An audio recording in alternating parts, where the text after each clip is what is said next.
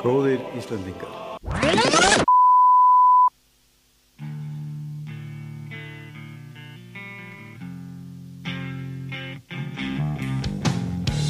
Court is in session, a verdict is in. No appeal on the docket today, just my Í beinni útsendingu frá Reykjavík. Hér kemur Harmageddon með Frosta Lógaskil.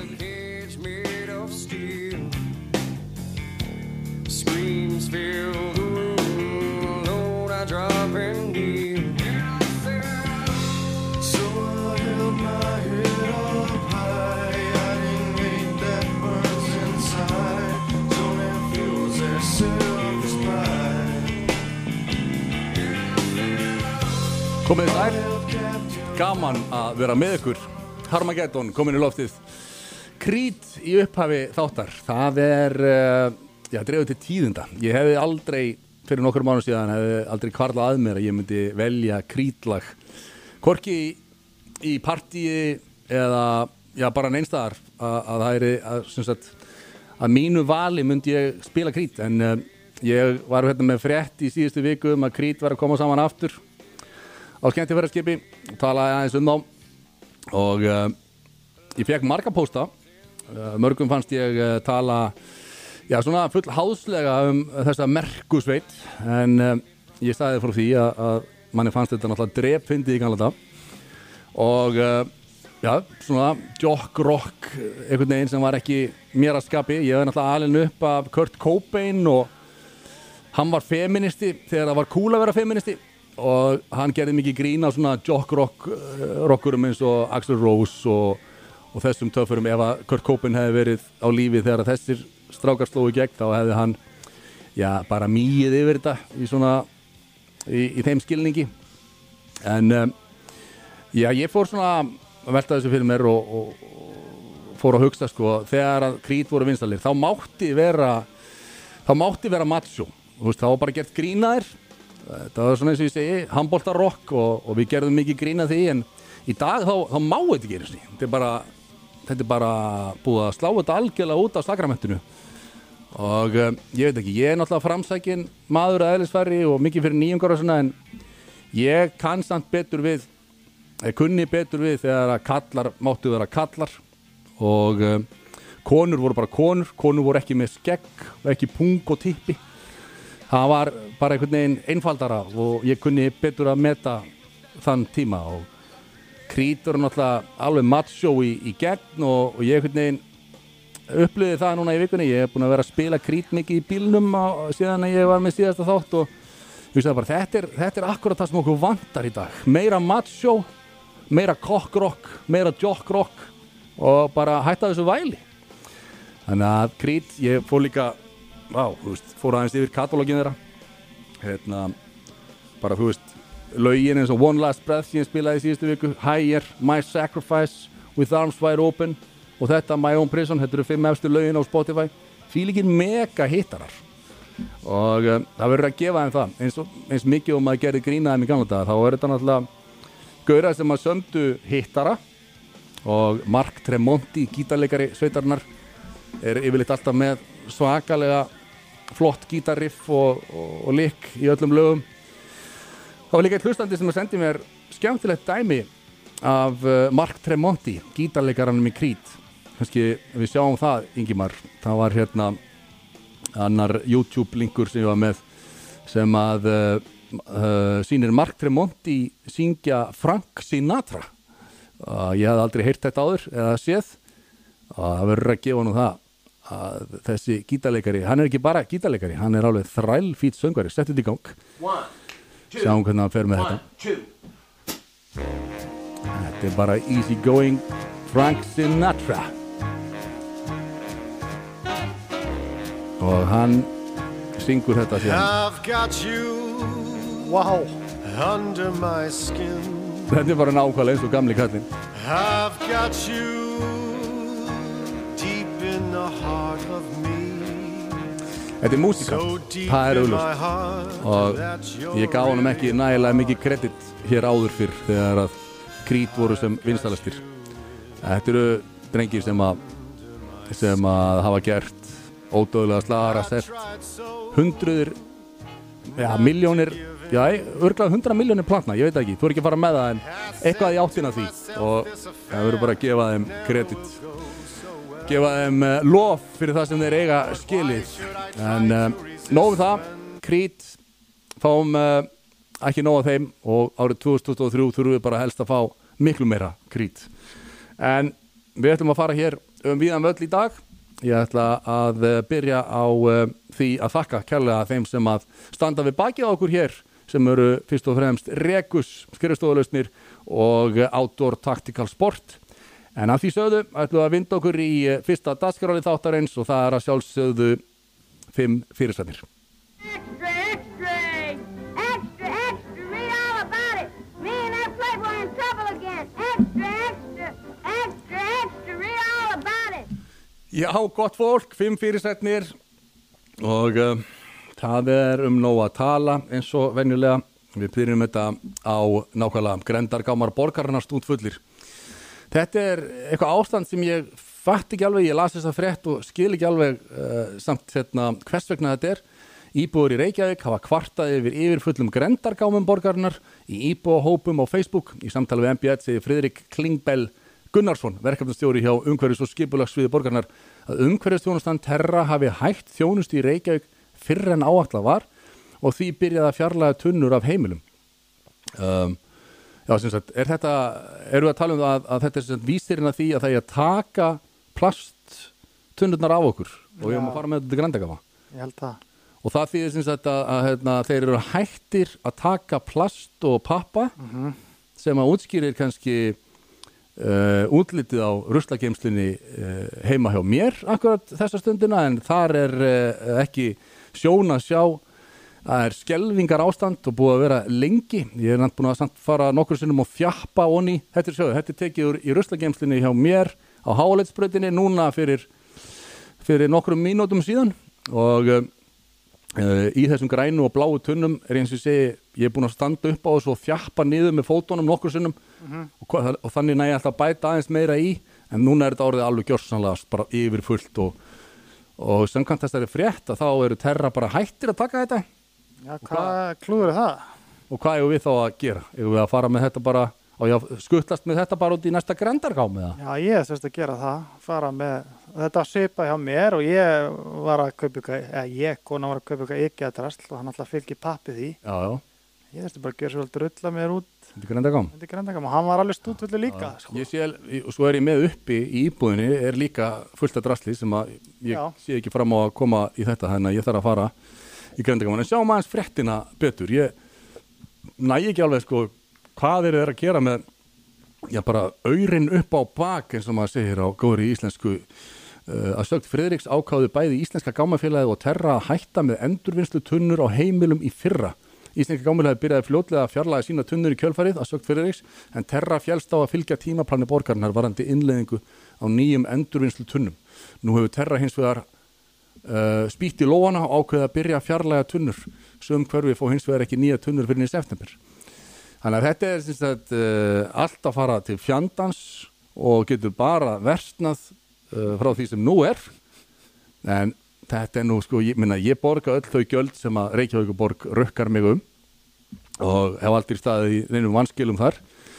En ég þarf að sitja uppi með allt ruslið frá þeim líka hann segir borginni fyrstu að hafa reynd að breðast við tunnuskorti íbú og undan áallun en hafi ekki ráðið við það. Því hafið þau gripið til þess að ráðs að benda fólki á grendargámana og endurvinnslu stöða sorpu. Það er sem sagt það sem ég þarf að gera nú það er bara að fara, Já, ég þarf að fara að tína úr rusla geimslunni heima hjá mér núna. Mhm, fylla bílinn af því ógeðis sorpi sem að þar er og keira með þetta á grendargáma eða endurvinnslustöðar.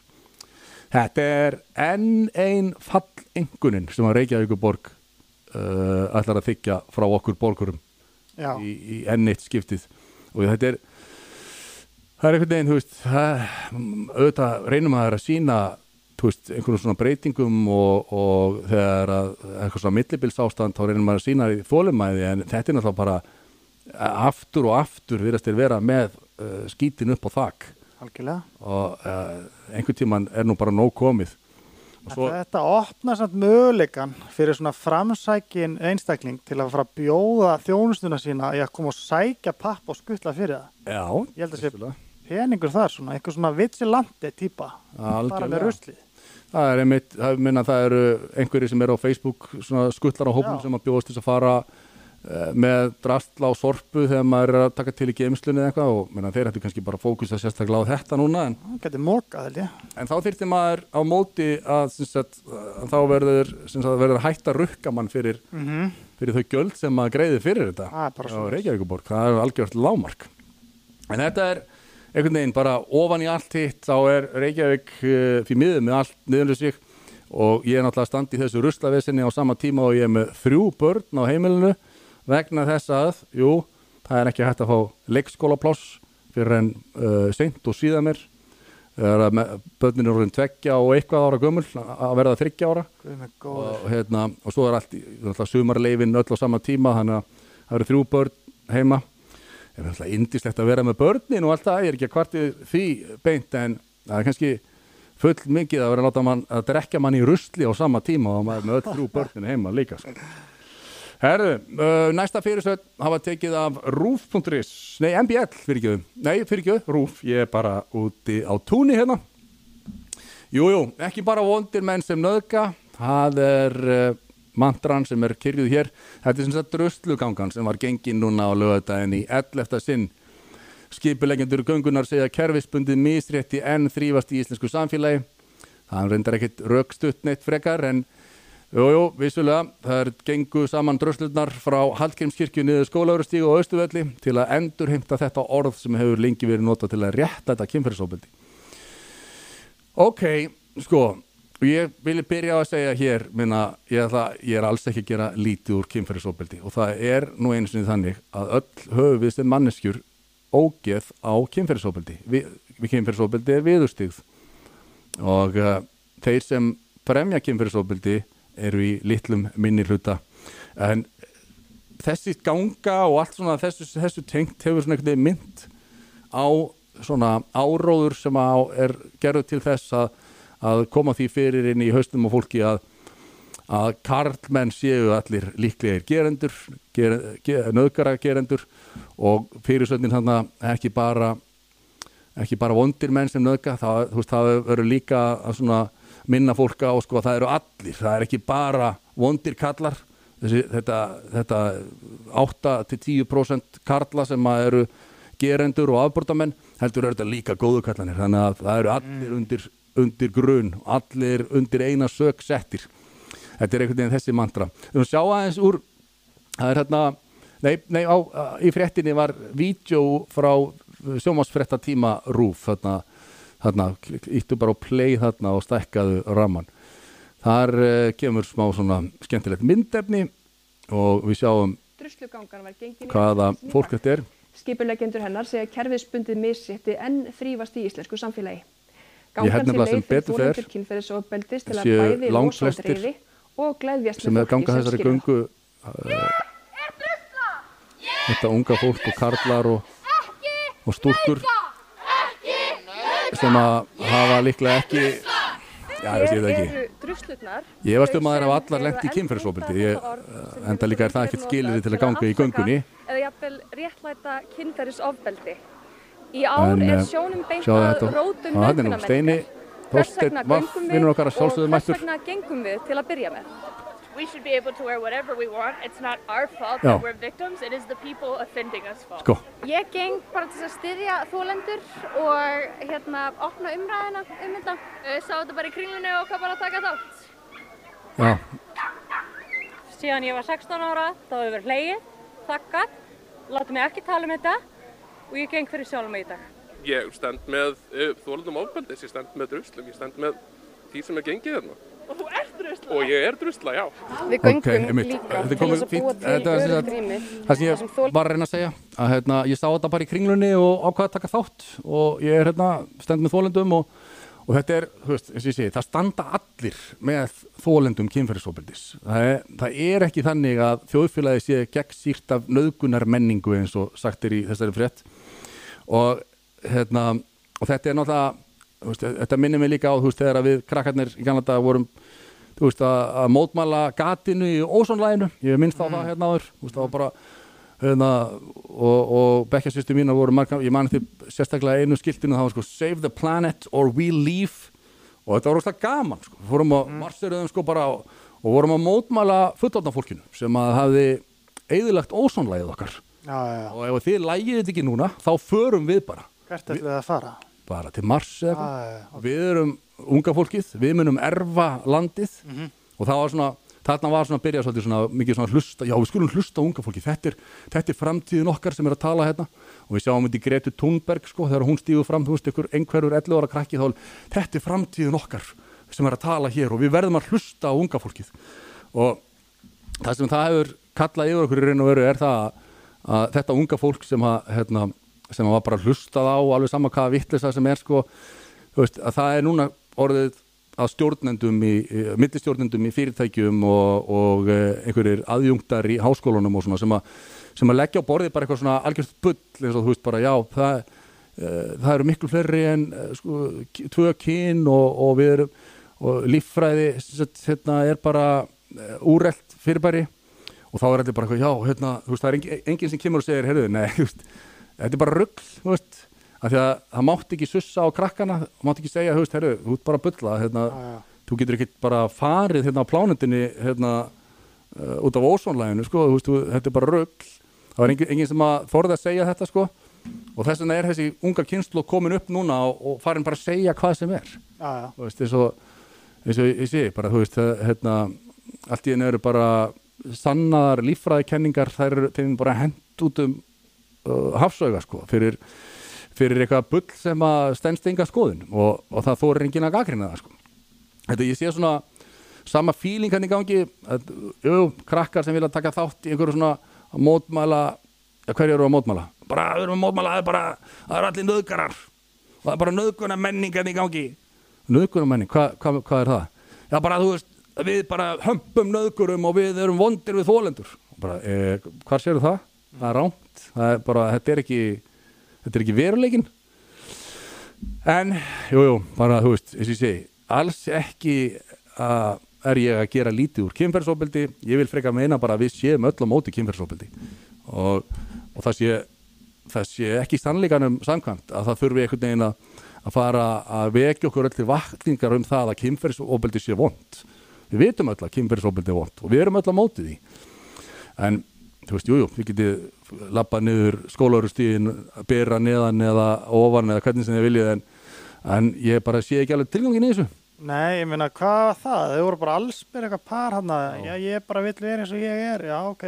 en veit, hvað er einhverja Það er bannaði allir um það? bara að horfa það samt. Svo er þetta veginn samt alltaf sko uh, þú veist, þetta er alltaf fólki sem að þú veist, er ekki með útliti til þess að vera berta ofan sko, þú veist, það, það vil endilega flagga öllu úr sko og svo, er- og svo er hérna fólki sem að hérna, já, er með eitthvað til að sína, það er náttúrulega sýnir það ekki. Það er skrítið. En ég, þú veist, bara, e, mér finnst slæmt við þetta, þessa druslugöngu, þú Mm. veist, ok, þú, þú klæði eins og þú vilt, en ég er aldrei að fara að segja við dóttir minna, þú getur alveg lappa niður dimm húsasund, klætt eins og þú vilt, ein, þú veist, þá er það bara ábyrg gerandans, Akkurat. þú er að hafa vara násamt, skilur, því það er eins og svo, það er 8-10% að geðsjúklingum hana af köllum, passa upp á þig, skilur þetta var einmitt, sko, fyrst þegar druslingangan fór á stað fyrir 11 árum síðan eða eitthvað, þá, þegar maður var að reyna að benda einmitt á þennan punkt sem þú ert að segja, þá, þá var bara, "Bíddu, þú, þú ert bara slött seima þetta og þetta er bara gerenda meðvirkni. Það er aldrei þólandanum að kenna. Nei, nei, það er ekki þólandanum að Nei, kenna. nei. Þú ert ekki sitja uppi með það á, að, með ör á sárinni, á sálinni að hafa lendi í kynferðsóbildi af því að einhver, einhver drullustokkur sáði í allt og stuttu pilsi með, hérna, í engum nærbuksum. Já, lappandi niður dimmt húsasund alein, skiluru, blind full Akkurat. Veist, Og þú veist- passaði á að lend sita ekki í þessar aðstæður Algjörlega. En þetta, veist, og að megi ekki segja þetta er eitthvað, Það er eitthvað rangt. verulega skakt þar. Það er enginn að fara að banna mér að segja það við dóttir mín að hún er að vara sig á sko, dóttið myndi koma bara, veist, hún væri að fara í bæ og hún væri bara í pilsi sem að bara næði bara svona rétt niður að pjólunni, sko, Já, já. Og ekki í neinu nærbuxum og pappi myndi segja, herru, byrju, fyrir ekki, hvert er þú að fara? Hva, hva, hvað er í gangi? Ég er að fara, ég er að fara niður í bæ. En byrju, viltu ekki fara í nærbuxur eða eitthvað? Nei, pappi, það má engin nöðga mér nei, nei, ég gerum alveg grein fyrir því og ef einhver nöðgæri muni koma að berja hann sko alveg í klassu en, en ekki fara á pjöllunni neyri bæ. Nei, nákvæmlega. Já, bara, þetta er bara úreldur hugsunarháttu pappi við erum druslur, við erum druslur. Og maður er bara, er, þú veist, hvert fór kynst Já, nákvæmlega. sko, þetta, þetta er bara meikar ekki sens. Nei, þetta er galið, sko. en, en sem betur fyrir þá allavega að þóra einhverjir að segja þetta og að þú veist, þetta er sannleikurinn en, en þetta er einhvern veginn þess að þetta fólk vildi þakka niður, það má enginn segja bara að þú hægt að passa þig. Þá ertu búin að varpa ábyrðin yfir á þólandan það er enginn að varpa ábyrði yfir á þólandan en veist, þetta er bara eins og eitt dæmi sem er alltaf sagt, veist, þetta er eins og að skilja húsið sitt eftir opið, þú ferð í þrjár viku til tenni, sko Eða opna sæðlabúnt bara í einhverju gettói fyrir framanfylta liði, bara þú veist, auðvitað megar ekkert ræna og þeir eru ábyrgir og gerendur og allt en Já, já. þú er samt að gera ekkert sérstaklega smart move þarna sko. Nákvæmlega. Algjörlega. En fyrirsögn númer þrjú, hún var tekin af uh, uh, DFF var það, já. Það er sem sagt, já, sko, þetta er mjög vond að lesa og þetta er þarna fréttum morðið sem átti sér stað á bílaplaninu fyrir utan, utan fjárðaköp. Og það segir hérna að þessi myndband að þessu í dreifingu, myndbandi sem að stúlkan tók upp þið munið, þetta voru þrýr piltar sem voru handteknir og einn stúlka og mjög fljótlega kom lögmaður stúlkuna fram og sagði, herðu, þú veist það var bara að sleppa henni strax, eina sem hún gerði það var bara, hún var bara röng hérna, röng stúlka á röngum stað og hún tók upp myndband af þessu sem er uh, be- helsta sönnuningar glörgnar þannig að hún er bara vittni og mammin og pappi sögðin alltaf ef þú lendir í vandræðum taktu þá síman og taktu myndband. Herri, svo kemur við ljósatna að uh, uh, umrætt myndband sem gæti verið eitt af nokkru sem tekið var upp er tekið upp af ungri stúlku en hún er einnig verið ákærð í málinu fyrir að hafa látið farast fyrir að koma manninum til hjálpar svo sem með því að byggja piltanum að hætta vekja aðtikli viðbarasæðala sem ógu hjá eða ringja eftir aðstóð lögreglu. Má leiða að því líkum að stúlkan hafi kjölfarið dreift myndbandinu í gegnum samfélagsmiðla.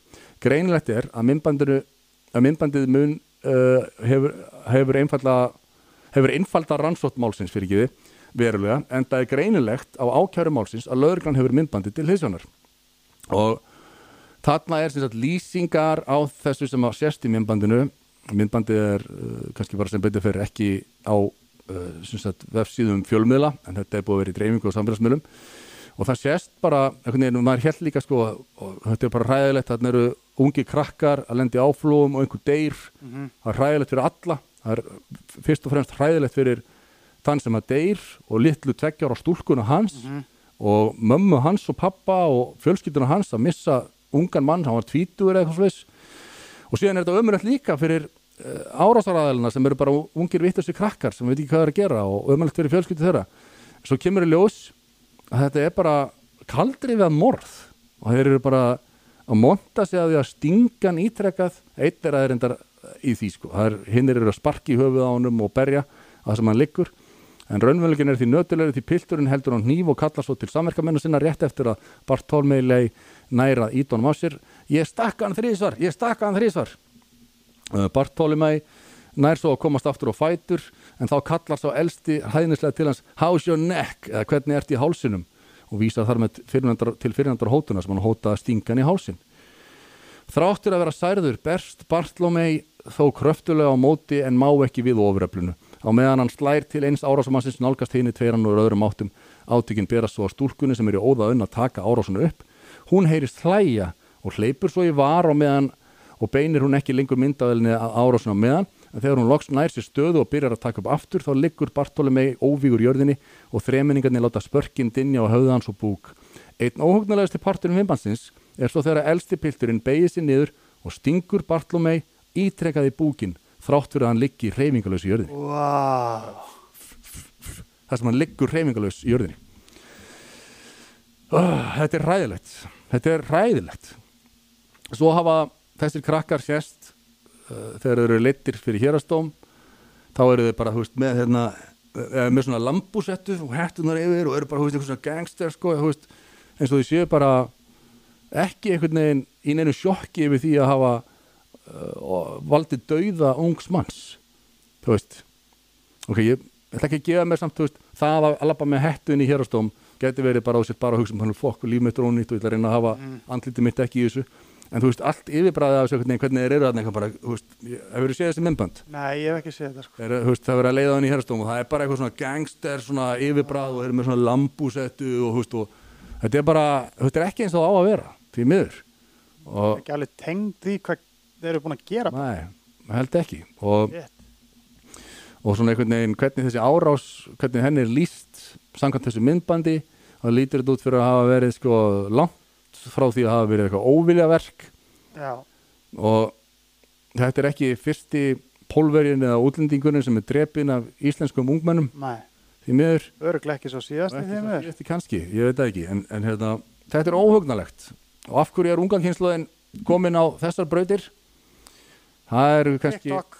ha, TikTok, TikTok. TikTok. Mm.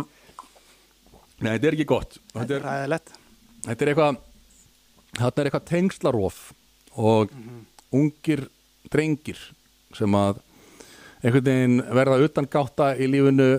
Um, við höfum nú rætta hérna áður rannsóknir sína að föðurleysi sé eitt stærsti uh, einn stærsta breytan orsakavaldur þess að ungi menn leiðast út af sporunu og gera hluti sem að svona einhvern veginn óábyrgir ungir menn virðast gera það er einhvern veginn eins og ábyrgðartilfinningin fari út um veður og vind ef þú ert ekki með föður, föður ímynd á heimilinu. Heit það ekki en, hérna, en þetta er eitthvað králega sem að við sem samfélag þurfum að skoða saman og reyna að uh, finna einhverjar bætur á. Þá förum við í fyrirsögn nummer fjögur.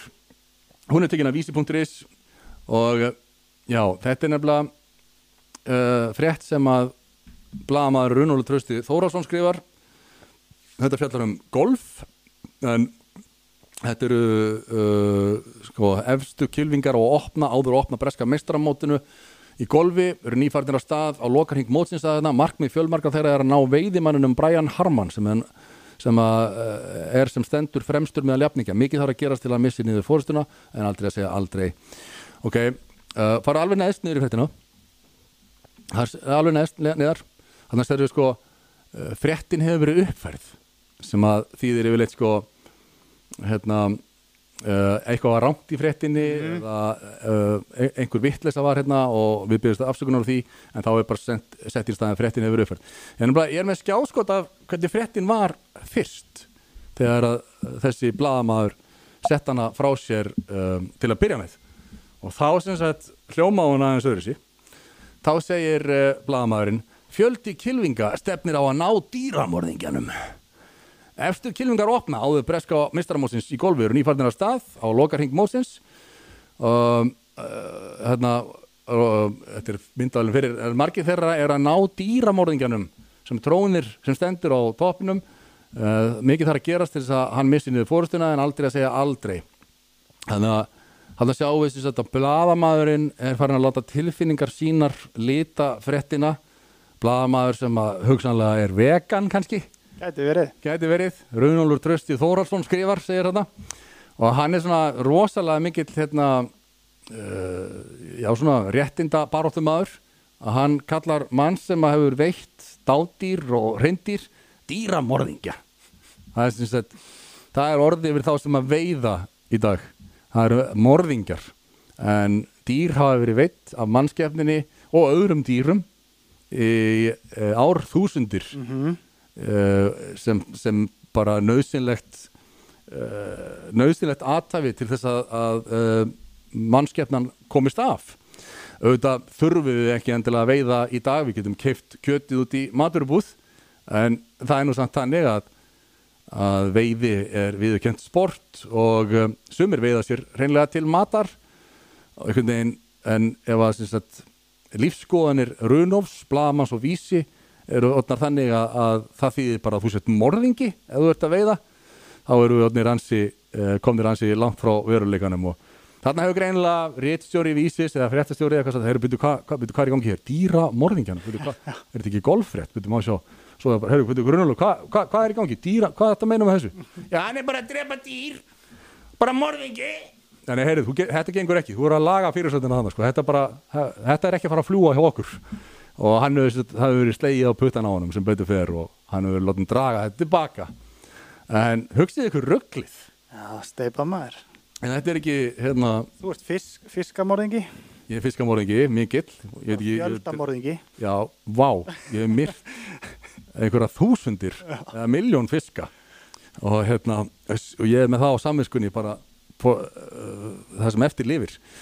Þarf að, hérna, leggjast á kottan með það en þetta er nú svona dæmum sko þessa vókmennsku sem eru á vísi uh, því miður, vísir er að reyna að gera sig að að svona uh, mikils virtum mest gildandi fréttamiðli landsins og er náttúrulega að skara fram úr í lesningu og, og svo framvegis, þetta er líka einn stærsta fréttarit stjórn landsins. Já, en hérna þeir eru rosalega litaðir oft á þessari uh, þessari viðbjóðslugu vókmenningu, ég ætla að leiða mér að segja. Og ef þú ert litaður á því að þá villistu ofta af leið og uh, ferð að segja fréttir sem að kannski þú heldur að gott sé að segja en ekki endilega fréttir að því að það séu sannar. Þannig að það er ekki gott þegar þú ert í blaðamennsku að, að uh, vera einhvers konar aðgerða sinni sem að þið vera að breyta veröldinni, þú ert ekki að vera að breyta veröldinni þú ert bara að vera að segja frá. Algjörlega. Það er eitt sem er samt jákvæmt við þess að frétt. Ég hefði frekar veði að, að þeir hefði breytt fyrirsögninni í dýramorðingja. Það hefði upprúnlega verið veiðimæður, Já. svo hefði eitthvað sagt, herru, þetta er ekki veiðimæður, þetta er dýramorðingi. Breyttu því vinnur. og bara af reynslu þinni af íslenskum fjölmjölum Já, basically. en það er, sem betur fer þá eru einhverju menn meðvitaður um þetta inn á rísvöldnum fjölmjöluna að bókið sé eitrað og þarna sáum við dæmum að þetta, hefur- hann er, ég held hvort það verið Kolbeitt Tumi eða einhver, þarna sem hefur sagt bara erfið, þetta er aðeins svo mikið sko, við getum ekki verið að það er fullt af fólki sem að stundar veiði og við getum ekki verið að kalla alla ve- veiðimenn morðingja Það er basically það sem maður verið að gera. já, já. Já. Þannig að er, einhver hefur átt að segja á þessu, er nú vísi, sem betur fyrr. En fyrirsett nummer 5, þetta er nú svona meira til gafans, tekið af MBL. Þarna segir frá samfélagsmiðla stjórnum sem að uh, gera það gott á OnlyFans. Uh, þarna er fyrirsettin fekk 35 miljón króna fyrir að sænga höfður manni. Þarna sjáum við að hjón sem að eru gift, Adam Grant Mason og eiginkona hans. Uh, en uh, til hliðar sjáum við mannin sem fekk að uh, hom, hampast eða hvað ég segja? Hann fekk að gera trukka konunins og hérna og uh, já, þú veist, maður hefur kannski haldið að Adam Grandmason hefur kannski fengið gefin sportbíl fyrir að leifa þessum manni að trukka konunins nei, nei, hann sætt leiða hann að trukka konuna sína og gaf konunni 35 miljón krónar sportbíl fyrir að láta trukka sig. Þetta er, þú veist, er þetta verið úrkynnið veröld sem við búum í eða hvað? Þetta lesa hann samfélagsmiðlastjarnan Adam Grant Mason, betur þekkti sem Adam22 á YouTube og OnlyFans fjárfest á dögunum í rándýrum sportbíl handa eiginkonu sinni en ástæða kaupana ritti marga aðdándur hans. Tilitnið var kynlífsmyndband en eiginkona stjörnar sangaði hjá öðrum manni nýverið sem staði sig markvallt betri í rúmunni en Grant Mason. Og samfélagsmiðlastjarnan verðlaunaði eiginkonu sína Lenu, betur þekktur sem Lena the Plug með neongrænum Lamborghini sportbíl eftir að hún sangaði hjá áhrifaldinum Jason Love. Lena the Plug ég, ég getur ímyndað mér hvaða plug hafi verið að vísa þarna í Já, það er frekar. en, hérna, en þetta er uh, sko, ef þetta þykir orðið eðlilegt í dag að giftur maður eða stendur það, er þetta, jú, eiginkonan eiginkonan, giftur maður hérna, hleypi uh, svörtum fóla uh, eða öllu heldur graðfóla upp á konuna sína til þess að láta taka því myndband fyrir OnlyFans. Þannig er sjáum við þegar hann gaf henni bílinn, já elskar mín bara fyrir það. Og svo kissir hann hann rembískoss á munnin sem hún var nýbúin að vera með einhverja stóra svarta pulsu upp í sér. Og hérna og hún er ánað með þetta og hún hugsa örugglega bara ég, ég skal taka fleiri BBC konga fyrir þig eða þú- ætlar að verðlunum með þessu. Eh, Sjálf sagði Lena reyndar að kynlífið með löf hefði valdið sér sásöka í marga dag og eftir þar sem að getnaðlið með löf væri talsveit stærri en Grant Mason. Hún sagði steinni hafa skemmt sér mjög vel þar sem hún hefði einungi stund að kynlið með eigimanni sínum síðastliðin sjö ár. Þetta var nýju áhugaverð reynsla. BBC ég er nú hrætt um það? En þegar ég sá þetta hugsaði einhvern veginn hversu úrkynjuð er veröldin okkar orðin? Og er, er, er þetta það sem að Putin er að tala um þegar hann sagði að Vesturlönd er orðin úrkynjuð þess vegna þurfum að ráðast inn í Úkrænu af því því að við erum búin að missa tökin hérna á, og allar dætur okkar eru á OnlyFans og um, og kallarnir eru þú veist, já uh, kallarnir eru að keppa í, í kvenmanns íþróttum Já, Þú veist. og vinna þér. og vinna þér þetta er, það er sennilega það sem að Putin er að tala um að við séum orðin úrkynju og að þú eru að ráðast á okkur fyrir vikið. Já, þessi Adam 22 sko, Já, hann er með podcast. Ok, þar sem hann og konars Mm. tala við klámstjörnur og svo ríða, ríðar hann þeim báðum nei, í lok þáttanis. nei. Þetta er bara sérst podcast leðast porn sko. já, ok, Þannig að hún á þetta alveg inni hjá honum að fá. Hann er bara búin að vera já, hann er búin að vera að trukka fullt aðeins. já, Sko. já, já, Þannig að, að það er líka frekar, eins og notar orðið úrkynjað sko, en Já, þau eru að, mjög úrkynnað, það er crazy sko Já. en auðvitað, þú veist, 35 miljón krónar Lamborghini sportbíl, það bendir til þess að þau séu að hala inn góðan bökk fyrir þetta eða dólar og uh, sennilega er þetta aðtæfi af því ég hef aldrei heyrt um Adam 22 áður. Þetta vekur sennilega þannig aðtikla á þeim að, að þau eru að margfalda Já. virði sitt.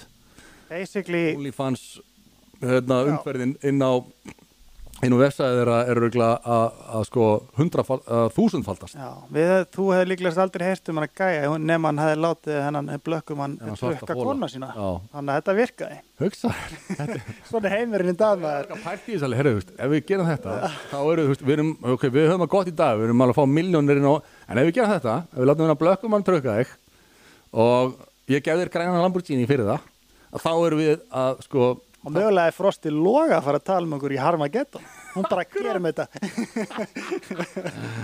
já, já, já, þetta er vitskert veröld yes. herðu, þetta var skemmtilegt við ætlum að vinda okkur næst í sprengju dagsins, skjöru þið svo vel er það tæknum aðurinn eitthvað Já, sorry. Þarna kemur hún, sprengjan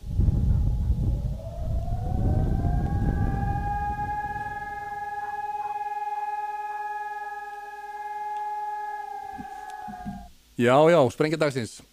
Sko, það kannski er einhverjir orðnir þreyttir á Hunter Biden laptop story eins og það er kallað í bandaríkunum En það er mikilvægt sko, þetta er, er nýbúið að halda hérna, uh, sko, uh, hvað, hvað heitir það, hérna, svona, uh, það var svona uh, yfirheysla á bandaríkjaþingi, þar sem var að fjalla um uh, uh, rítskoðun og Robert F. Kennedy talaði með þarna líka. Og hann var reynda rítskoð og hann áður hann talaði þetta líka, en hann var að lýsa hvernig hann hefur rítskoður, en þarna er þess að bladakona sem að var hjá New York Post. Eina blaði sem að fjallaði um Hunter Biden uh, laptop uh, fyrir fréttina.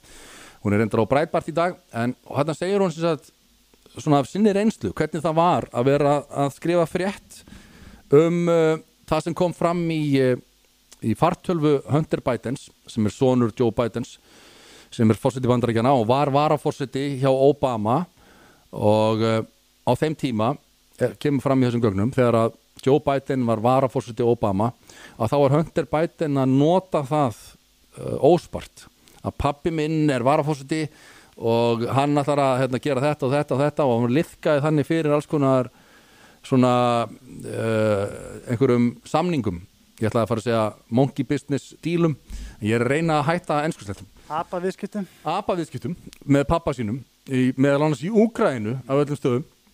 Og þetta sannast á gögnunum sem eru í uh, fartölvu Hunter Bidens. Og þegar að New York Post var að segja frá þessu þá var Hunter Biden nei, Joe Biden að bjóða sér fram til fórseta og þetta skipti miklu máli í því samhengi hver væri að fara að verða næsti fórseti bandaríkjana hvaða upplýsingar væri þarna. Þetta var þakka niður með öllu mögulegum móti og sjáum hana bara að lýsa því best. Þetta er svolítið langt en þetta er mjög gott. Hún lýsir því nákvæmlega með hvaða hætti þetta var þakka niður og hvernig það var gert. Og við sittum öll eftir bara hvað hva var í gangi, kíkjum á það. Thank you. Thanks so much for inviting me. Um, my name is Emma Jo Morris, uh, politics editor at Breitbart. Um, I'm here today because I published a series of news stories three years ago in October of 2020 about Hunter Biden's now infamous laptop, also known as the laptop from hell, uh, which is seen as some of the most scandalous reporting of the last decade. Um, what was more scandalous than the reporting itself, though, was the fact that it exposed the unholy alliance between the intelligence community, social media platforms, and legacy media outlets. At the time, I was deputy politics editor at the New York Post, and um, my reporting showed that despite then candidates Joe Biden's repeated and furious denials, he was apparently involved in the foreign business deals of his family.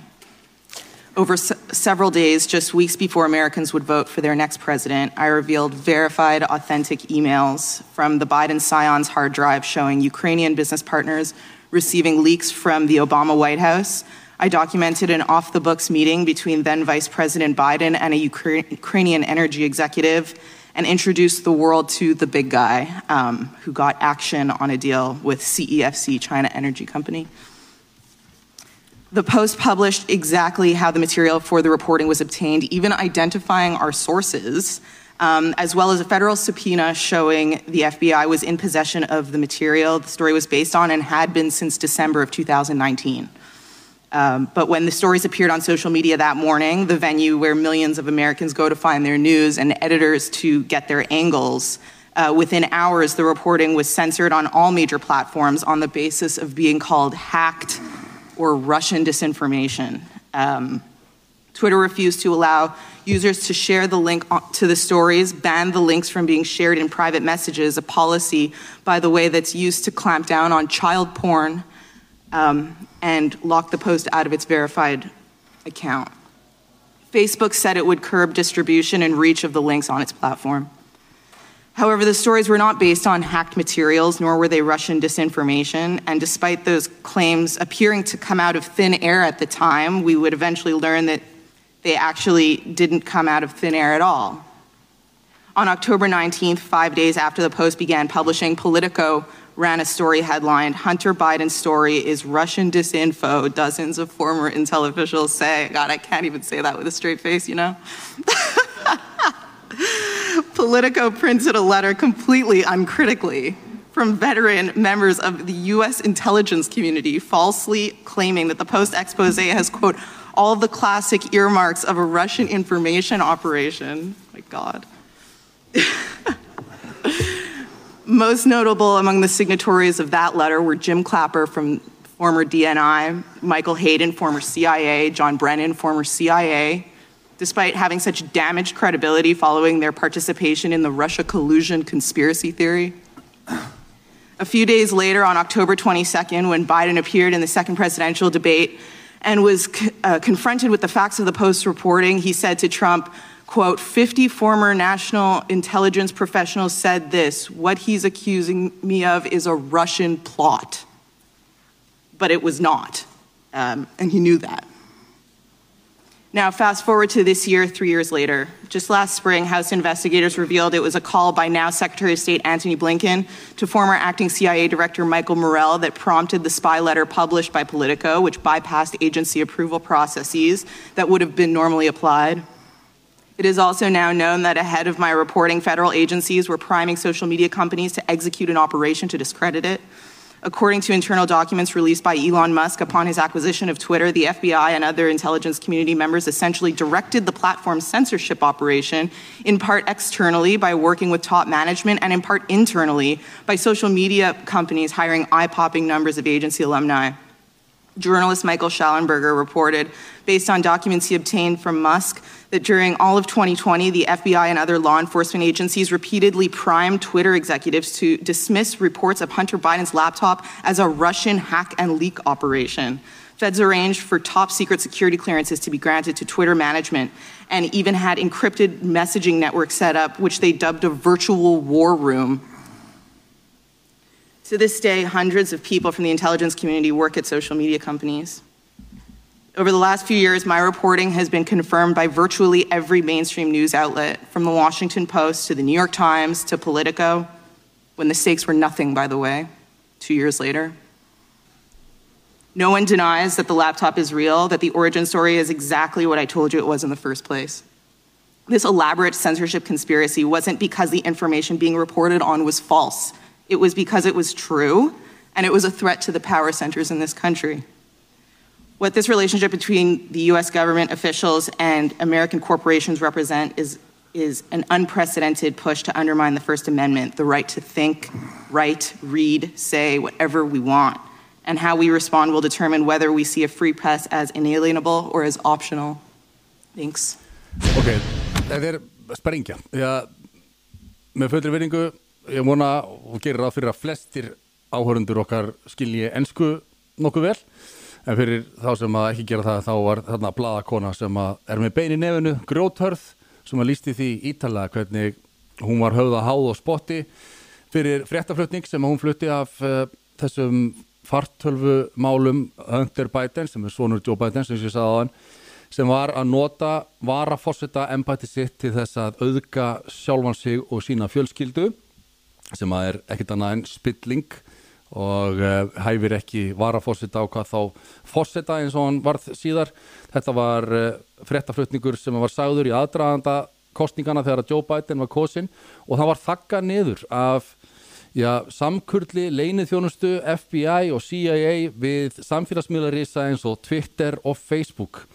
Og þetta hefði raun og verið ekki verið staðfest og komið í ljós nema því að Elon Musk kefti síðar Twitter og opnaði öll gögnin þá kom þetta rækilega í ljós. Allt sem að sagt var í New York Post fréttaflutningum reyndist hafa verið rétt og satt. Allir hinnir meðlarnir eins og politico.com sem að hún tók þarna fram og hló mikið að uh, endur byrtu orðréttar frétta yfirlýsingar frá stjórnvöldum um það að þetta væri uh, rústnenskur áróður og njóstnaplott til þess að koma höggi á bæten sem har hauga lígi og uh, reyndist ekki vera neitt fótur fyrir. Þetta sýnir glögglega hvernig vógliðið og uh, já, bara þú veist þeir sem að einhvern veginn telja sig vera uh, með sko hvað ég segja þeir sem að segja, telja sig vera með réttu skoðunar þeir leifa sér bara að gera nákvæmlega það sem að veist, þeir leifa sér að brjóta allar reglur Sann, tilgangurinn helgar meðalið og þegar ég er með rétt að skoðanir þá má ég bara brjóta reglur og svína á mm -hmm. og hérna og, og uh, rítskoða sem að er uh, nota bene eins og hann hefur bent á hann Robert Kennedy Jr.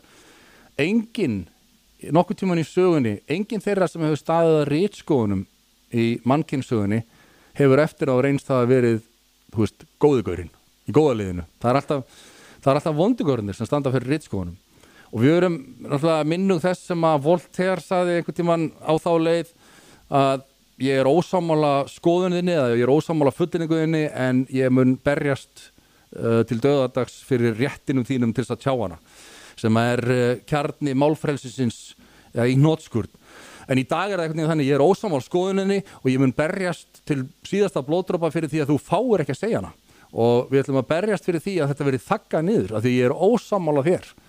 Þannig að það er búið að snúa þessu algjörlega haus.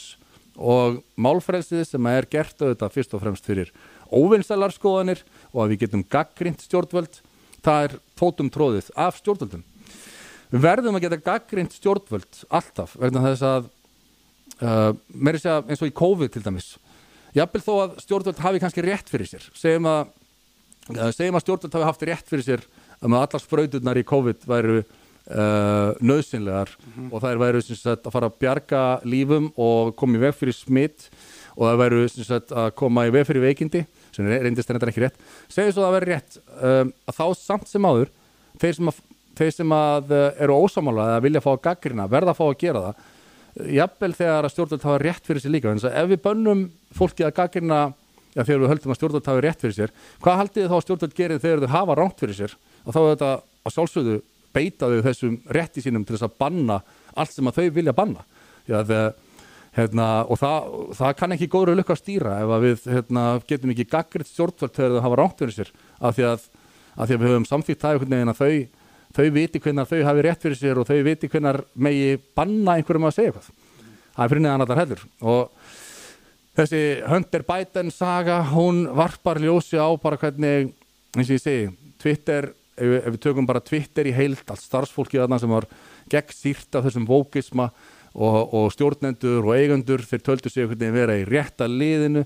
Þannig að þeir ákvaðu bara að þakka niður ljótar sögur um Joe Biden af því að þeir voru svo hrættur um að Trump myndi vinna. Af því að Trump hefði potið unnið. Já, 100% eins og þetta hefði fengið að fljúa ef að sannleikurinn hefði fengið að fljúa hann mm. þá hefði Trump unnið. En þeir komið veg fyrir það með óheðalum skítabröðum og segjum svo að, að, hérna, að Donald Trump sé, sé vesti uh, pjesin að þeim öllum. Veist þegar, þegar hinnir þurfa að spila óheðilega til þess að losa sig við hann. Mm. þannig að það, það næri engri átt sko. og við erum með aðra frétt sem við sá bara í gæðir hjá yfir frá Daily Wire sem að segir að núna er einmitt vinur, Joe, nei, vinur Hunter Bidens Hunter's former best friend will testify that Hunter had died on the phone multiple times with foreign business partners. Þannig sem sagt einhver besti vinur Hunter Biden sem ætlar að vitna um það að hann var margsinnis með pappa sinni símanum og bara, er, er það pappi hérna? Og með hann á spíker hérna, ég las þessa frétt sko og, er oft, og þegar hann er hérna að díla við einhverja, einhver úkrænsk uh, orkufyrirtæki að þá var hann bara að beita pappa sínum sem var að fórseta uh, í uh, gríð og erg til þess að auðgast sjálfur og auðgast verulega á því öllu. Þannig að þetta er spilling, það er ekkit annað. Og svo sjáum við eina aðra frétt frá vísi.is en þetta var einmitt sko ég fann reyndar ekki það var önnur frétt sem að Kjartan Kjartansson vókblaðamaður skrifaði sem að var eitthvað þá að leiði eitthvað Twitter skjölin uh, hérna, ekkert markvert í Twitter skjölunum. Og ég fann ekki þá frétt en þarna er önnur sem er svona svipuð uppljóstrun mösk reyndist rýri í róðinu þetta væri ekki neitt neitt sko. Þetta væri bara eitthvað bla bla bla. En þetta var gríðarlega alvarlegt. Og Matt Taibbi blamaðurinn sem að fekk að sem sagt, fara í gögnin og, og dreifa þessu hann er, hann er alvöru heiðalegur blamaður hann er ekki eins og þessir á New York Times og Washington Post sem að ganga erinda bara þeirra sem að sem að þau telja að síður rétt að liðinu hverju sinni. Hann bara segir sannleikan eins og hann er. Og, og þeir hafa verið sagt, útkallaðir sem einhverju drullusokkar og vittlisingar fyrir það, Matt Taibbi og aðri blamamenn sem voru í þessum upplustrunum og þarna erum við sjáið blamaður og vísi. Samuel Karl Kjartan Kjartansson. Þeir eru svona blamamenn sem að telja að New York Times og Washington Post séu heilaður sannleikur. Þess að hlæja þeir af, af hérna, Elon Musk og, og einhverjum svona bjánum sem að, sem að þykjast vita eitthvað uh, af því að þeir eru búin að lesa það í Washington Post að þetta var alltaf ránt það er bara hauga lígi þannig að Guði sér lof fyrir Elon Musk segi ég nú bara. Guði sér lof og um, já, við skulum bara halda áfram að taka öllu með fyrirvara því sem að, að, að, því sem að hérna, þessir stóru miðlar segja, það er, það er alveg augljóst að að um, stórir vandaðir miðlar eins og þeir kalla sig eru bara ekkert með allt á hreinu og alltaf. Og þeir, ef þeir reyða sig bara á það að aðrir stórir vandaðir miðlar séu uh, með þetta allt rétt og sannleikana leðaljósi þá lenda þeir í einhverju síki sem, að, ekki, sem engin veit hvað rendar. Þetta var sprengja dagsins. Frábært alveg hreint. Og við ætlum að fara þá næst í dagskorunlið sem ég kýsa að kalla út með ruslið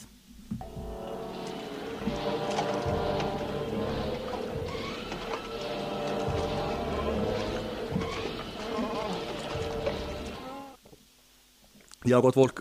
Það var enginn færið út með ruslið hjá mér lengi. Það er að segja að Reykjavíkuborg hefur ekki staðið sig að, að sækja þetta drasl.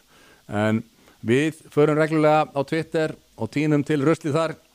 Hér sjáum við og sjáum við hvað Twitter og hann fallur þeir eru búin að breyta það logoðu hérna eftir upp til vinstri. Það er X, þetta heitir ekki lengur Twitter.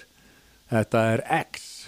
Og uh, það er indislegt einhvern veginn af því að þetta var sem sagt svona hvað ég segja safe space fyrir uh, vókliðið við erum rosalega mikið að tala um vókliðið í dag. Já. en þú veist þetta er þetta var svona hérna Þetta var svona uh, fríðarhöfn fyrir, fyrir þá sem að vildu fá að, að þykjast vera góðar manneskjur.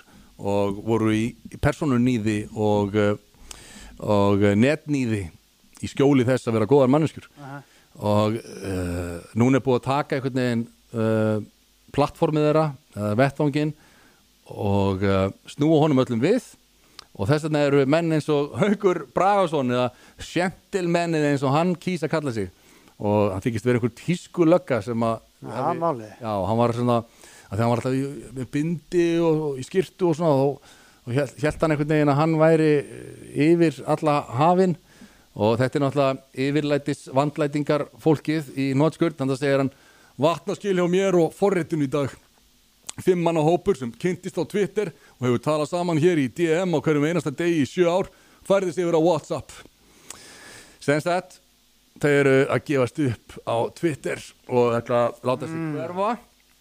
Og hérna til því fimm manna hópur sem að kynntist á Twitter Hvernig, tala saman hér í DM okkur vensti uh, hversu innan tómt er lífið ef þú kynnist fólki á Twitter og, og það er og þú veist að tala við á hverjum einasta degi í sjö ár.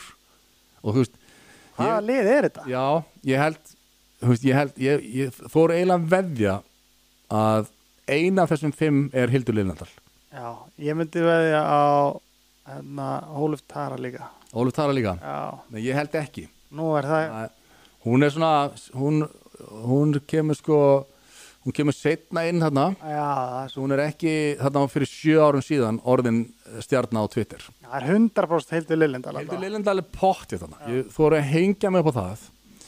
Hinir þrýr veit ég ekki alveg hverjir eru en, en ég, þú ég þóru eiginlega að veðja bara aðlegunni minna á Hildur Lillendal er þarna. Af því að þetta er sorglegur hópur þetta er sorglegur fimmanna hópur sem að kynnist á Twitter og uh, fær þar einhvern veginn svona viðurkenningu sem maður hefur aldrei fengið áður.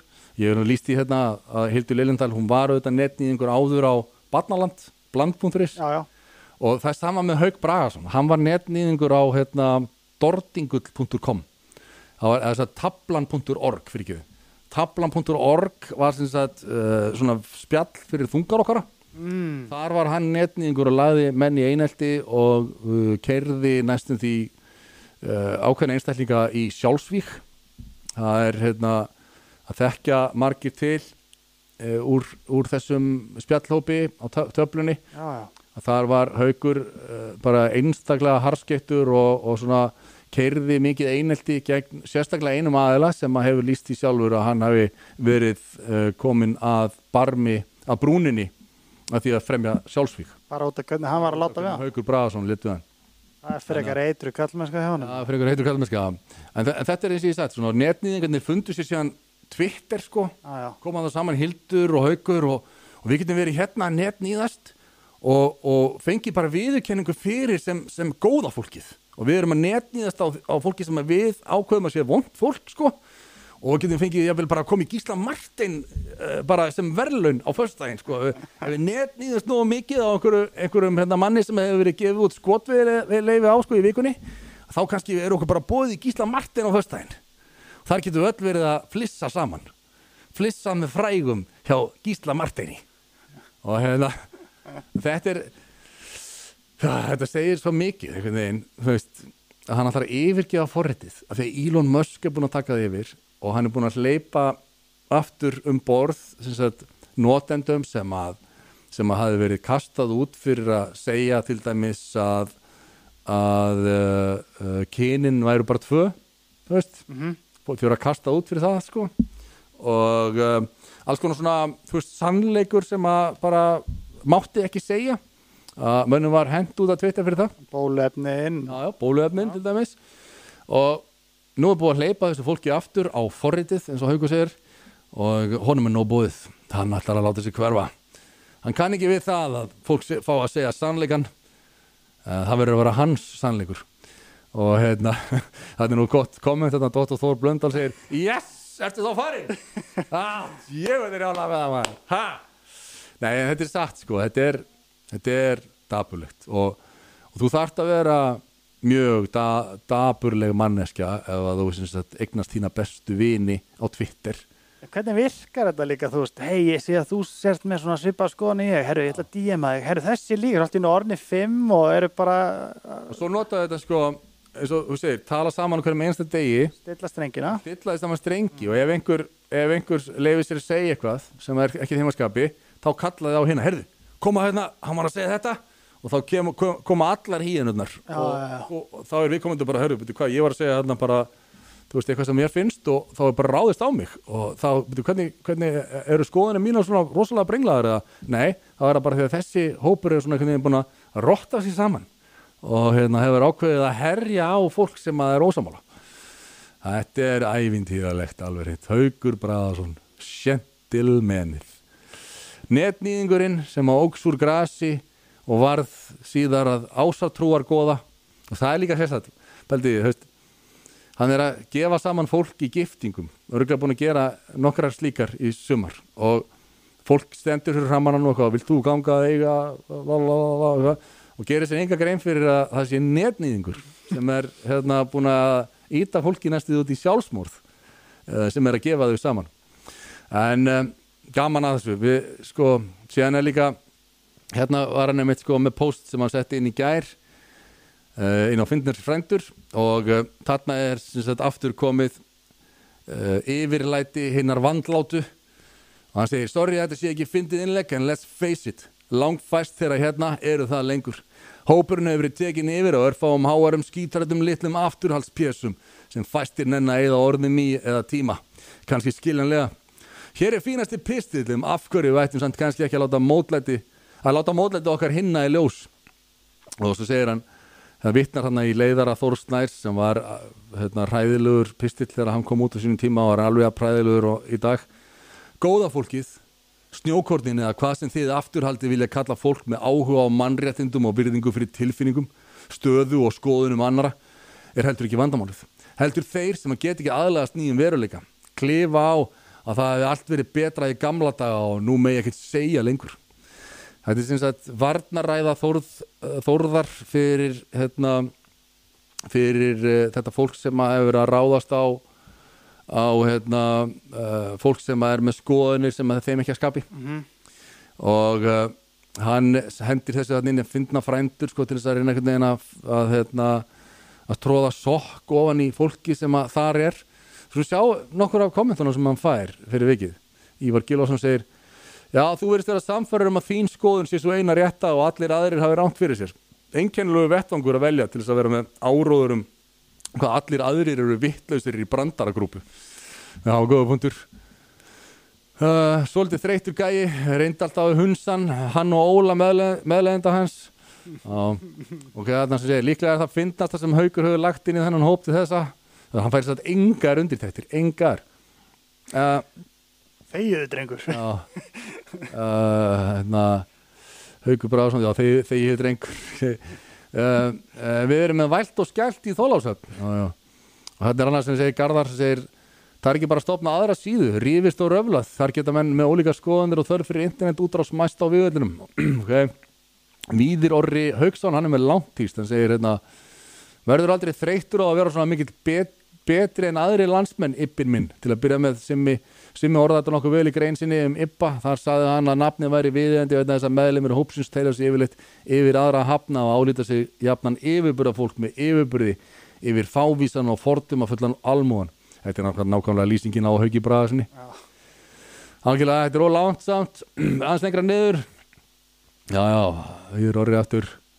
Uh, ég, kom, þetta segir, ég komment aldrei á posta hér en djöfull er orðin þreyttur á fólki eins og þér þessi ultravókismi eða krabba minn á samfélaginu. Það er engin að segja að við ættum ekki að hjálpa en staðan er bara því miður þannig að fólk á látökjum er virkilega að ströggla. Heimilisleysi er að hækka, þannig er þannig að rífast um umræðin Já. og ungt fólk á ekki séns í dag að festa ræturinn einstæðan eða með hjálp fóreldra ef það getur það sem, alls ekki, sem er alls ekki gefið. Uh, kemur ekki óvart ef þú færi bráðum að tala fyrir því að fólk sem misnóta börn sem satt barnanýðingar ættu að flokkast undir minor attracted persons og ættu að vera samþýtt af ok, aðja, þetta er svona lengra að maður að sjá. Já, ég nenni ekki að lesa þetta, segir einn. Nó, það er bara trúbróð frá trúbróð frá sér að Þórðisna Júliusinni bóði top commentators. Vókslagsíðunar hér á síðinni jú, veistu, þetta er hreinlega dreffindiðinleg þannig að hann fær sætt engin sem sagt jákvæð viðbröð þannig að segir Fimbúi þú ætti að læra eitt haugur Brásson við sem hlæjum ekki af þessum áróðsbröndurum hérna, látum þá fram í okkur fara. Svona eins og, eins og þína pósta líka. Við erum að leita skemmtun en ekki áróðri. Saman hvort það kemur frá þér eða þeim. Þú og hinir áróðuspjæsarnir þurfur að koma ykkur í burtu á þessari síðu og leifa okkur að hafa hann í friði. Þú ert ekki skárið en þeir. Þinn áróður kemur bara frá öfgunum hinum einn akkurat. Uh, þetta er þetta er sem sagt um, viðbröð, þetta er viðbröðin við innleiki Hauks Brássonar sem ætla að sína hversu, hversu mikill hérna, yfirburðar rétt síni góðgerðar einstælingur hann væri. Og uh, fólk er bara ekki sammála. Fólk er komið nóg, það er bara þannig. Þannig að þarna fórum við út með rösl dagsins af Twitter og þá ætlum við að skella okkur í dagskólið sem að heitir fólk sem að haga sér eins og fíbl Nei, það, ég er svo heppinn að eiga enga vini og enginn í fjölskyldunni þóli mig. Þar að leiðandi fæ ég einhver jólagjafir og slagt þess að það ekki á jólagjafir. Já, í uh, dagskarleginum fólk er fíbl, tók ég saman nokkrar bara stuttar klippur í dag. Þetta er allt til gaman skert. En þetta eru svona brjálaðslega heimskuleg uh, uh, heimskuleg triks sem að uh, fólk uh, úti í bandaríkjónum mestnagnis, þetta eru síðan worldwatch.com sem er með þetta, við skulum sjá hérna. Takk ég eftir í þetta ít á play.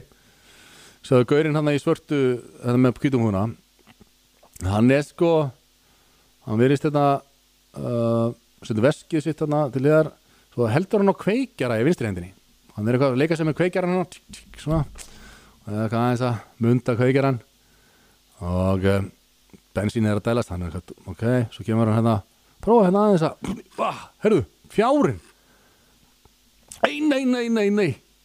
Herru, hann leipur inn í bíl og ákveður að bruna bara í burtu með eldin skýðu loðandi úr bensínlókinu þetta var sérlega heimskulegt. Þetta var fólk sem að hafa sér svo fíbl ég veit ekki hvað hann var að hugsa þarna en það er nú kannski verið bara eitthvað utan við sig í einhverjum dagdraumi. Og uh, hann ætlaði klálega ekki að gera þetta, það er nokkuð ljóst en svona fór það nú.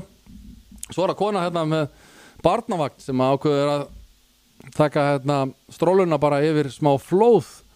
Sjá hvernig það fer. Esa con el carro. Já. Herðu, hún er með barnavakt, sjáu það. Og, ei, herðu. Þetta er stórhættulegt.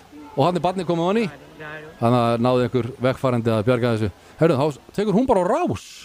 Hún hefur kannski haldið að barnið hefur bara hafi, fæstu, hún bara Það ok, og næsta vídeo, þá eru við erum með þrjú vídeo í fólk sem að hafa sér eins og fýbla þessu sinni. Þetta er enda hræðilegt að sjá þetta, sko. En sem betur fer uh, varð uh, barninu ekki meint af. Hann er spurt uh, slæmir foreldrar eða er þetta ökumannunum að kenna? Við skulum sjá. Sjáum hvað gerist. Kemur barn löp upp ah! þannig að það sást að það var samt ekki keirt það alvarlega þetta var náttúrulega mjög alvarlegt en barnið þess að þetta ekki í lífshættu. Þetta var hræðilegt að sjá þetta. Og það er spurt hvort þetta séu slæmir foreldrar eða brjálaður ökumenn. Auðvitað og ég, ég er ekki að segja að fóreldrarnir hafi, þetta ætlaði mamman ekki að láta barni gera þetta en ef þú ert nálagt svona götu þá þarf það að vera með augun á barninuðinu allan tíman, algjörlega.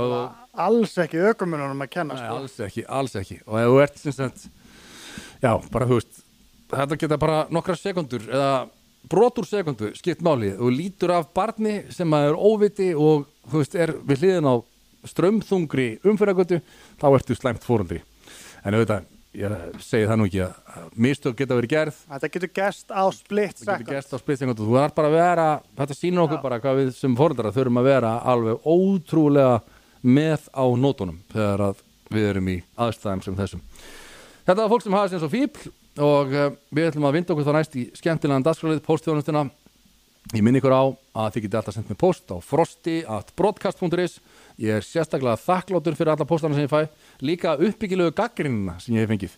Það eru uh, nokkri sem hafa sendt mér góða punkta um hvað ég get lagað hjá mér og ég kann að meta það. Ég er bara mjög þakkláttur fyrir allt slíkt svona alla þá hjálp sem ég get fengið til að gera þáttinn betri. En frosti.broadcast.is er adressan til mig að senda mér hvað sem er, við ætlum að kíkja á postþjónustuna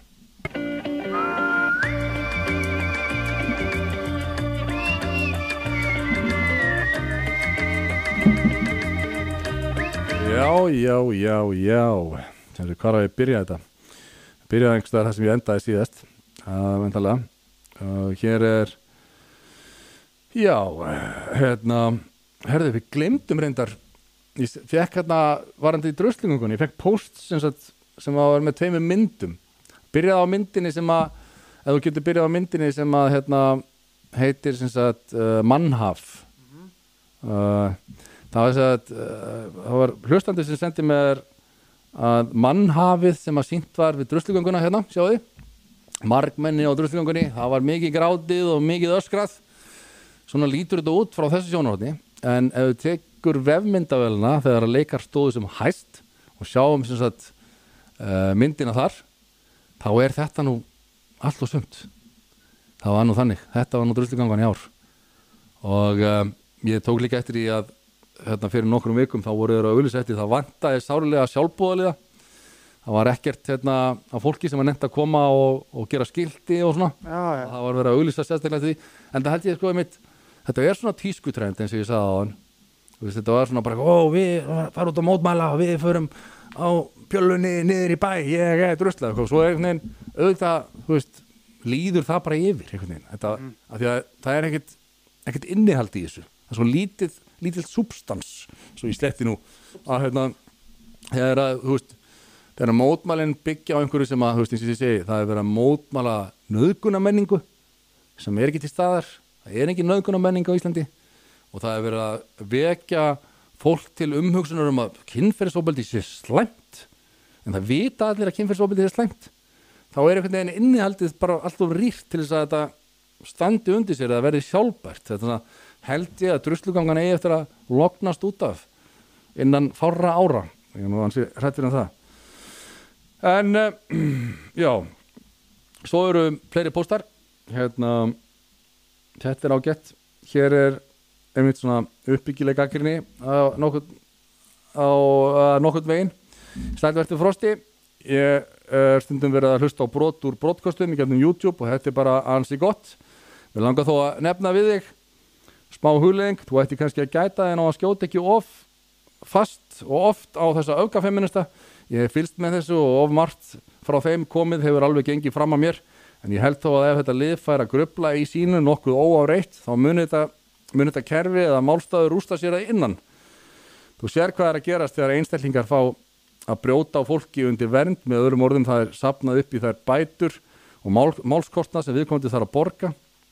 Þess að þegar fólk fær að brjóta á og er, þegar það er mm. dæmt fyrir dómi þá, þá er bara sapna fyrir brotunum. Uh, einnig ef fólk mismæli sig sömu mismælin oftar en einu sinni þá er það varið á Twitter eins og þú kannski mannst af, hashtag afsækið þetta er bara að verða svo mikið ruggl og þá er Karl mennsku feminista síða Þorstein Svaff á Instagram ekkert til að hrópa húra fyrir. Þú kannski íhverja þetta, það má ofta ekki tröfla þá sem eru að tortíma sjálfur sér. Og að við að eftir engavæðingu bankana þá fór eðileggingin fram að innan frá sem endaði með runi þetta er bara smá íhugum frá mér og gangið er áfram vel. Já, já, með að góða búndur. Það er oft sagt einmitt eins og hann segir hérna ef að óvinnurinn er að hérna er að móka sér hólu að leiða honum þá bara ekki tröflan, þú veist leiða honum að halda áfram mm -hmm. og byltingin getur náttúrulega bönni sín byltingin getur náttúrulega bönni sín það er líka, það er líka satt sko Svo er hérna, hvort ég að lesa úr, um, nei, þetta er sko, ég voru að hugsa um að hérna, bjóða þessum í viðtalarindar. Hann skrifaði hérna, uh, já, þetta er, uh, ég ætla að býða með hennan post, býða með hennan. Uh, síðan var hérna, eitt sem segir sæl, ég mæli með að leggja út einhverja dasgrá hjá okkur. Annars er þetta bara random refresh fyrir okkur hinn. Takk annars fyrir frábæran þátt það er að meina þarna að við erum ekki með það niður nelt hvenar þættinni koma út og uh, það er náttúrulega ekki nákvæm tímasetninga á því en við höfum sagt frá því að hér á brotkast koma alltaf út gödustráka þættir á þriðu dögum og alltaf harmagetum þættir á þriðu dögum svo koma alltaf út gödustráka þættir á förstu dögum og alltaf harmagetum þættir á förstu dögum svona klukkan hvað er ekki alveg nelt, þetta er svona í eftirmiddagin við tökum þetta upp samdægurs. Þannig að það er, það er nelt sko, þriðudagur og förstar, það eru Götustrakar og Harmageddon. Og síðan eru hinn þættinir að detta einn svona uh, þess á milli. Það var hérna það var hérna eitthvað annað síðan sem ég var að uh, leita af. En uh, ég finna það ekki núna það er allt í góðum þetta er bara Þetta er fínt, allavega. Ég er búin að, eins og ég sagði, ég fekk nokkra pósta með uppbyggilegri gaggrinni sem að hérna, ég er ekkert að lesa upp hérna en ég vil bara taka það fram að ég kann vel að meta þá og uh, það er alltaf hægt að bæta sig í einhverju og gera hlutina betur þannig að og fleiri augu, betur sjá uh, fleiri augu en, en tvö þannig að um að gera að benda mér á eða er eitthvað sem, að, sem ég get lagað.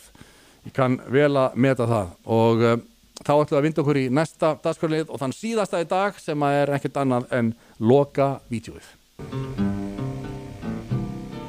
I don't want to set the world on fire. Já, já, já, ég er enda að sendi, sendi tvö vídeo sko. Uh, annað var mjög langt og ég hvernig erum við á tíma? Jú, jú, við, við erum alveg ágættur á tíma við skulum taka það, þarna er þess að hérna, kona sem að hefur starfað í svona hvað heitir svona department store á, það er að segja uh, uh, það- við þurfum að finna orðið við department store á, á hérna, það er svona svolítið Bíkó bara Nei, nei, það er sko department store er sko er, er búð sem er með mörgum mismunandi hérna vöruflokkum og þetta er svona Já. svo uh, Costco er svolítið spúð þá já, já, eiginlega nema það er svona wholesale. Hagkaup er eiginlega svolítið já. þú getur farið í fatadeildina, þú getur farið í matvörudeildina þú getur Dóta. farið og, hérna, og það eru svona vestlanir í bandaríkjónum og, og margar þeirra eru með svona blómavalsdeild eða svona gróður og svona. Mhm. þetta eru Walmart og Kmart og þær. En þessi er að vinna hérna hjá einni, einni stikri vestlun og hún er að vinna í blómunum og, og hún ver, var vör við það að það verið að ræna búðina og hún reynda, hún fór út á eftir þeim og reynda að stoppa. Og uh, fyrir vikið fekk hún fyrsta lagi glóðuröga hún var barinn af fólkinu sem að var að ræna búðina. Og síðan var hún rekin af því að það var sem sagt það er sem sagt svona yfirlið stefna vestlunar við skiptum okkur ekki af þegar að þegar að kúnar eru að uh, brjóta lögin. Kíma aðeins á þetta, þessi kona a group of shoplifters. As WJCL 22 News' Lydia Blackstone reports, lots of customers are really upset about this. According to Rincon Police Donna Hansborough, who was employed here at this Lowe's in Rincon for 13 years in the garden section, she was just trying to do the right thing, following out some shoplifters. That's when she got punched in the face three times, and now she's in the unemployment line. First time I've ever been hit. First time I ever had a black eye. First time I've ever been fired in my life. I've had lots of jobs, but never fired. Donna Aldrei verið rekin Hansborough was fired last month after trying to stop a group of alleged shoplifters at the Lowe's in Rincon. She says she asked for a receipt when this happened. He tossed it at me. It was a Walmart receipt.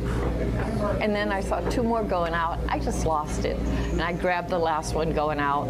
I don't even know how I got out in the parking lot. I really don't.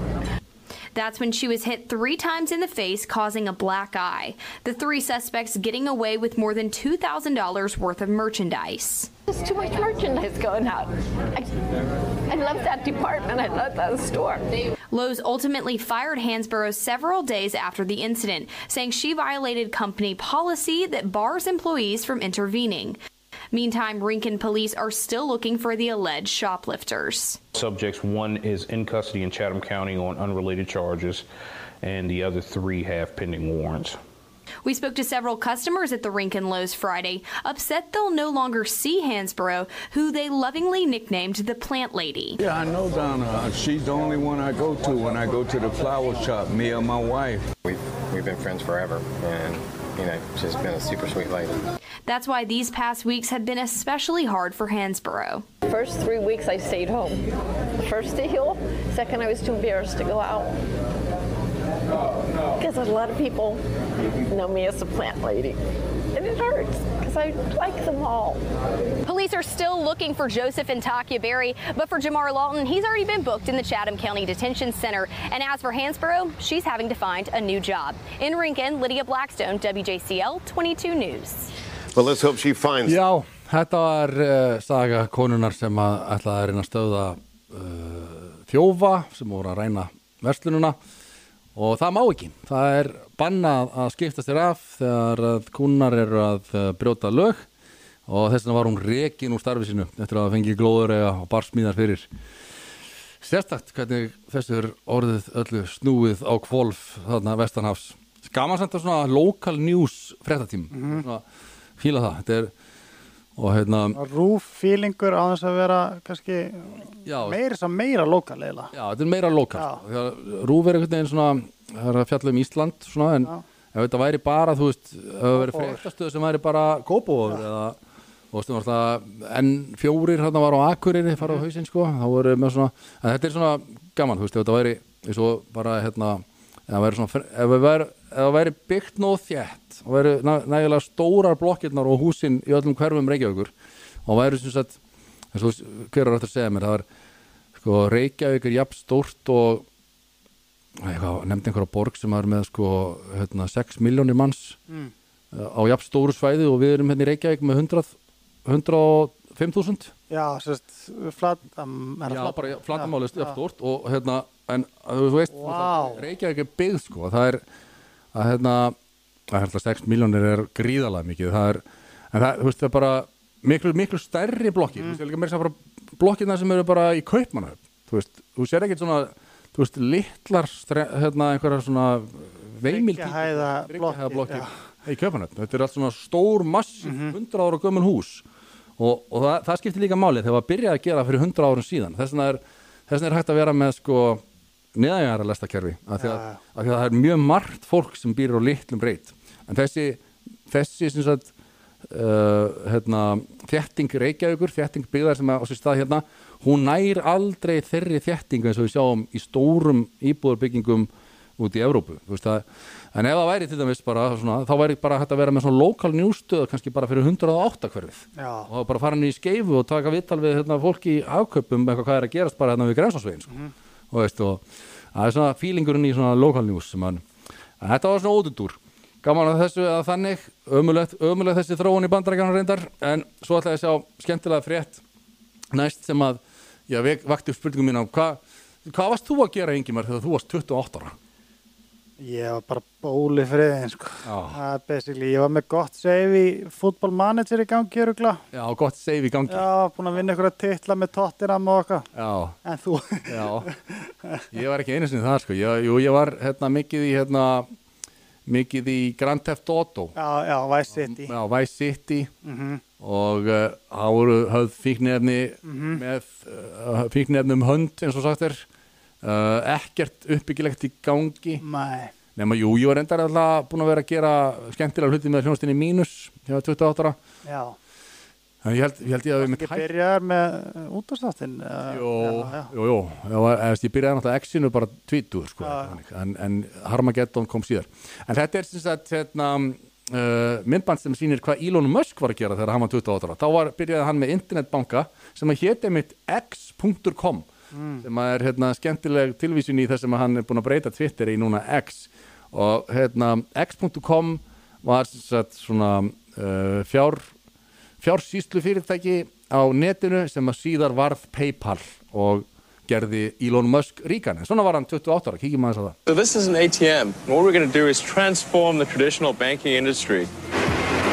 I do not fit the picture of a banker.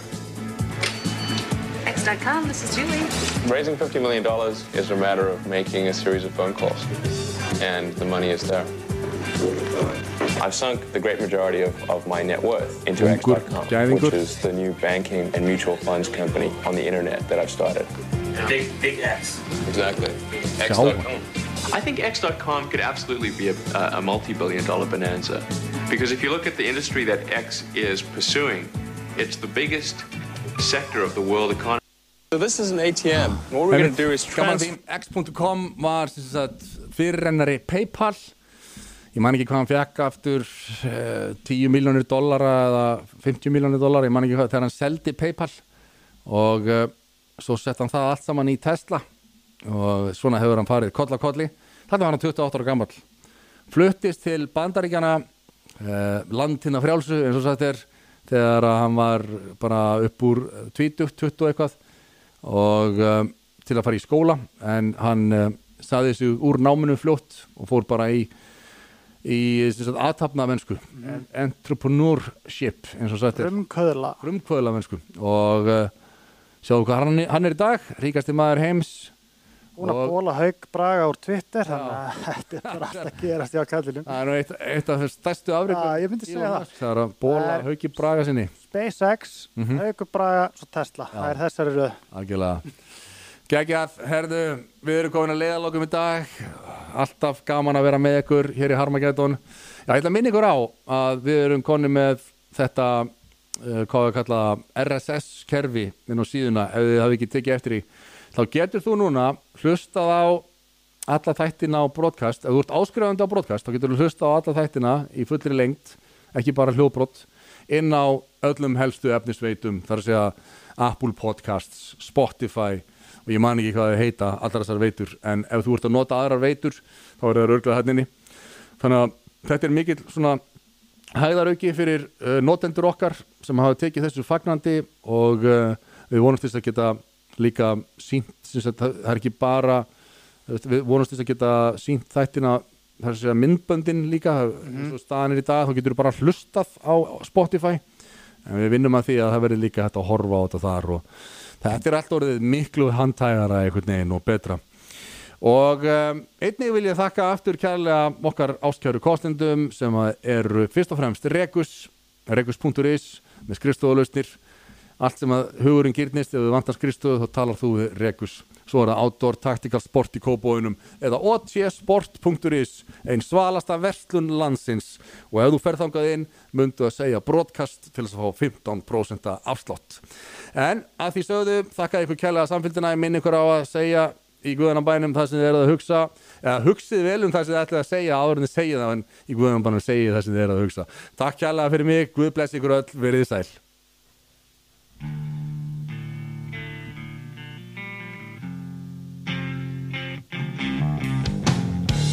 Quarters insertion, a verdict is in. No appeal on the docket today, just my own sin. The walls cold and pale, the cage made of steel. Screams fill the.